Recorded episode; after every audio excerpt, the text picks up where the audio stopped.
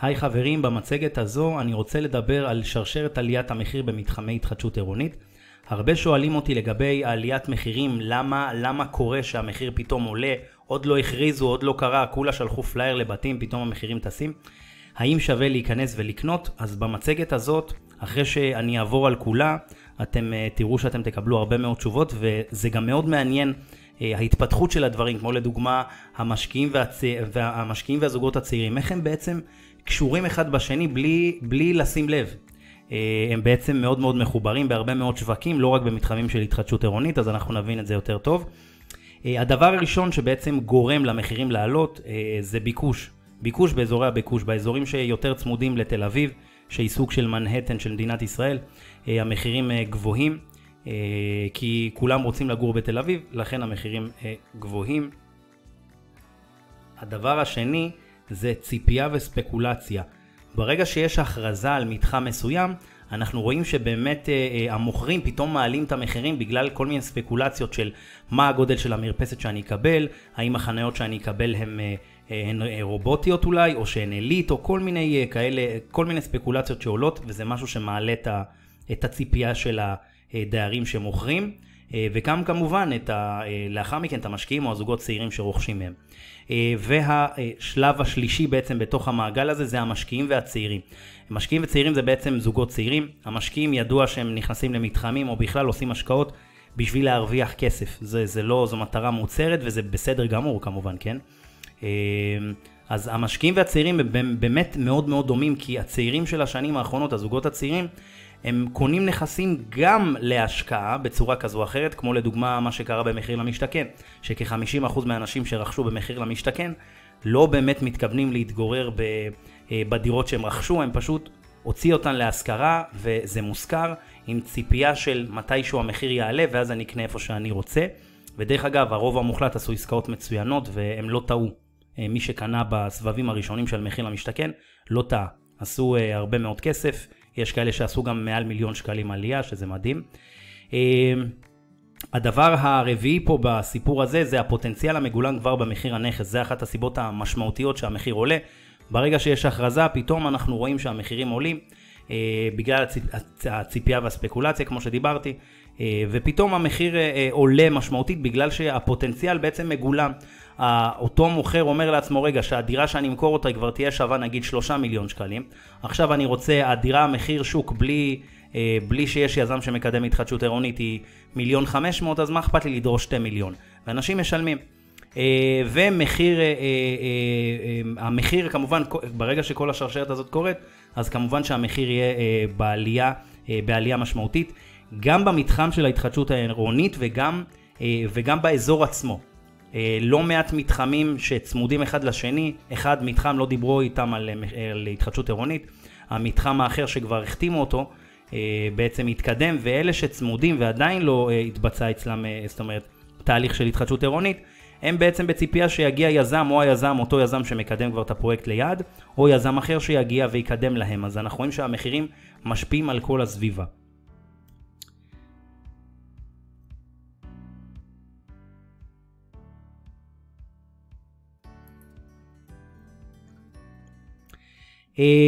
עליית המחירים במתחמי התחדשות עירונית מוצדק או פסיכולוגי. אה, הדבר הראשון זה אה, שיזם בעצם נכנס למתחם, יוצאים פליירים ופרסומים רבים. אה, היזם מפרסם המון, אם זה במגנטים, במכתבים אישיים, ממש מוציא נסחי טאבו ושמות משפחה והכל ומנסה לגעת כמה שיותר בלקוחות, מה שנקרא פנייה אישית. ברגע שזה קורה, מחירי הנדל"ן עולים לאחר המפגש הראשון עם היזם. המוכרים מקבלים ודאות מסוימת כמובן במרכאות, למרות שאין שום דבר כרגע. ככל שהמתחם יותר ממורכז, קרוב לתל אביב, כך האמונה של הוודאות בפרויקט עולה עבור הדיירים, ותחושת הערך של הנכס עולה בעיניהם.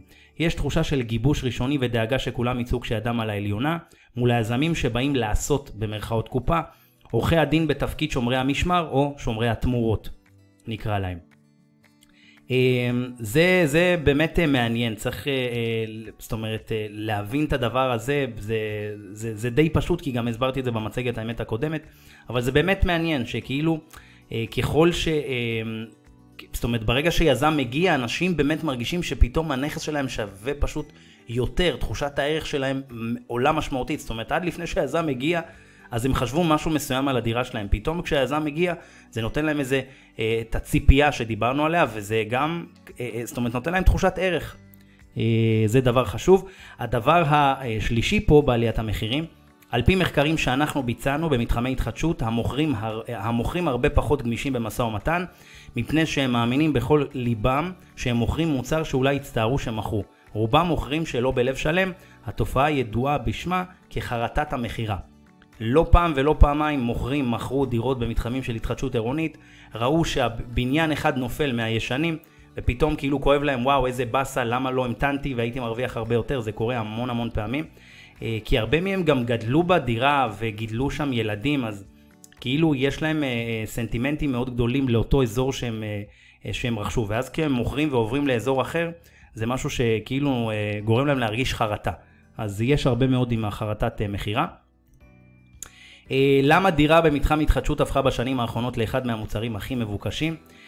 כל מלווה משקיעים יודע, אה, ולפי דעתי כל טלפון שלישי שאני מקבל, אה, זה, זה טלפון של בן, מה אתה אומר על מתחם אה, התחדשות עירונית, בוא תל, בואו תלוו אותי שם, אני רוצה שתחקרו לי עסקה בבת ים, ביפו, חולון, כל מיני אזורים כאלה שהם באמת חמים מאוד להתחדשות עירונית.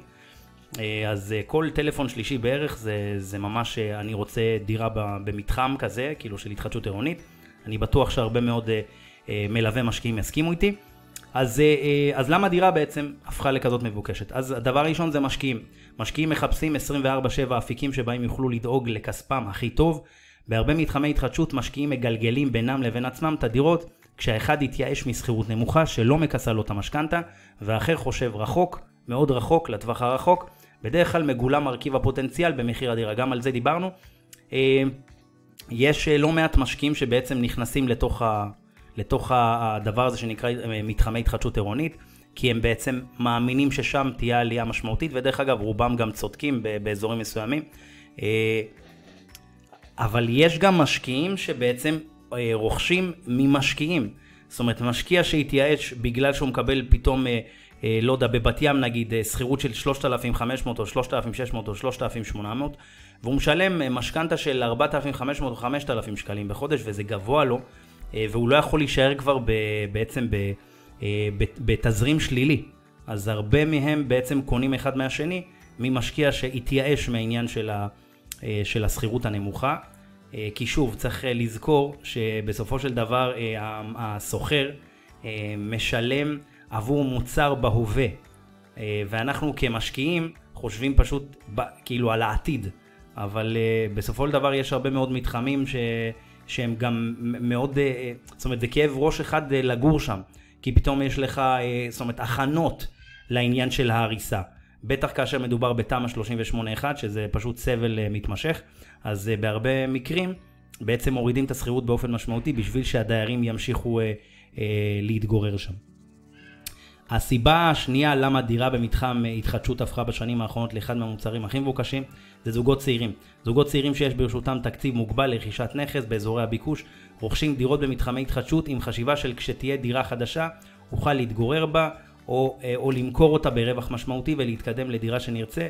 אותו סיפור כמו במחיר למשתכן, אפשר להבין את הזוגות הצעירים, אה, ו- ואני גם מסכים איתם, אין מה לעשות, הממשלה לא תדאג לנו לדיור, צריך לדאוג לעצמנו. וזוגות צעירים פשוט נכנסו ופשוט הפכו להיות משקיעים וחלק מהמשחק הנדל"ני אה, בעשור האחרון, אה, וזה מעניין לראות את השניים האלה, את זאת אומרת את הפלחי שוק האלה. אה, למה משקיעים וזוגות צעירים נלחמים האחד בשני? בהרבה מאוד מקומות בארץ אנחנו רואים באמת מלחמה מסוימת בין המשקיעים לבין הזוגות הצעירים, כי, כי בעצם הם, שני, הם שני פלחי שוק שהתקציבים שלהם מוגבלים לרוב, נכון לאותו שוק שהם פועלים. כמובן שתקציב מוגבל של משקיע בבת ים הוא לא משקיע עם תקציב מוגבל בבאר שבע. מוגבל בבת ים יהיה אה, מיליון שלוש מאות, מיליון ארבע מאות לדירה במתחם התחדשות, לבין מוגבל בבאר שבע שיגיע עם 600 אלף או 500 אלף שקלים ויגיד אני רוצה דירה ליד ה... אה, באזור הארדקור של הסטודנטים שכולנו יודעים היום שהמחירים של הדירות הארדקור הטובות באמת של הסטודנטים כבר עולות הרבה יותר מ-600 אלף שקלים. אה, משקיעים הם לרוב קו אחד מתחת למשפרי הדיור בדיוק כמו הזוגות הצעירים. אה, אז זה מאוד מעניין לראות אותם נלחמים בהרבה מאוד, אה, לא רק במתחמי אה, התחדשות עירונית, אלא בעוד כל מיני מקומות. ויגידו את זה הרבה מאוד, לדוגמה, מתווכים שעובדים בשווקים שהם די זולים. לא יודע, מגדל העמק, חיפה באזורים הזולים שלה, באר שבע כמובן, דימונה, ירוחם, כרמיאל. זאת אומרת, אתה, אפשר לראות שהזוגות הצעירים, לדוגמה סתם בכרמיאל, הם בעצם נלחמים על אותם דירות של משקיעים שמגיעים מהמרכז עם תקציב של איזה 800 אלף שקלים, והם נלחמים על אותם דירות. אז אפשר לראות את זה באמת בכל הארץ, מאילת ועד מטולה. המגמה ברורה, אחוזים ניכרים מהכספים אותם משקיעים משקיעים בנכסים יעברו למתחמי התחדשות בעשור הקרוב. נראה שהמדינה התחילה לתת גז בגלל רעידות האדמה שפקדו אותנו בשנתיים האחרונות. אין ברירה, זו סכנת נפשות של ממש, בייחוד ליישובים הקרובים לשבר הסורי-אפריקאי. הבאסה הגדולה זה שהיישובים הקרובים לשבר לא כלכליים, כך שרוב ההתחדשות מתרחשת בין גדרה לחדרה. עד שיפתרו את הפלונטר של חוסר הכלכליות בפריפריה, יעבור כנראה עוד עשור ויתחלפו עוד כמה ממשלות. אז אם יש לכם תקציב מתאים, שווה לבחון השקעות במתחמי התחדשות באזורי ביקוש הקרובים לתל אביב, כי ההיסטוריה הקצרה איתה מלמדת שמגלמים רווחים מאוד נעים. אך יש לזכור שהשכירות לעיתים לא מכסה את המשכנתא, ולהגיע מראש, ולהגיע מראש מתוך אה, אה, עניין של תזרים שלילי בלא מעט מקרים. עוד לא נולד השוכר שישלם על פוטנציאל עתידי של נכס, ולפעמים זה כאב ראש שלם בהכנות המתחם, כך שזה אפילו פוגם באיכות חייו. בטח כשמדובר בתמ"א 38-1, אה, שזה חיזוק, שזה יכול לקחת ממש שנתיים שלוש, שבן אדם חי בתוך אתר בנייה, אבל אתר בנייה אה, באקסטרים. אתם צריכים לבחון עסקת התחדשות, אתם רוצים לאתר עסקה מצוינת של התחדשות באזורי ביקוש, דברו איתנו ואנחנו נסייע לכם. ואני ממליץ כמובן לבקר באתר שלנו של אה, ברוקר נדל"ן, ברוקר מקו אמצעי re.co.il. אני מאחל לכם ים של הצלחה ושגשוג בן סולומון. חשוב להבין שהמצגת הזו היא למטרת לימוד בלבד ולא מחליפה ייעוץ פרטני, אז חשוב מאוד שכל מה שאתם עושים, כמובן זה על אחריותכם. פה נתתי לכם איזה אה, קו מאוד רחב על העניין של ההתחדשות העירונית ומדוע המחירים עולים. כמובן שאני ממליץ בחום לעקוב אחריי ברשתות החברתיות וביוטיוב, לראות סרטונים לפני כולם. שיהיה לנו בהצלחה ונתראה בקרוב. להתראות.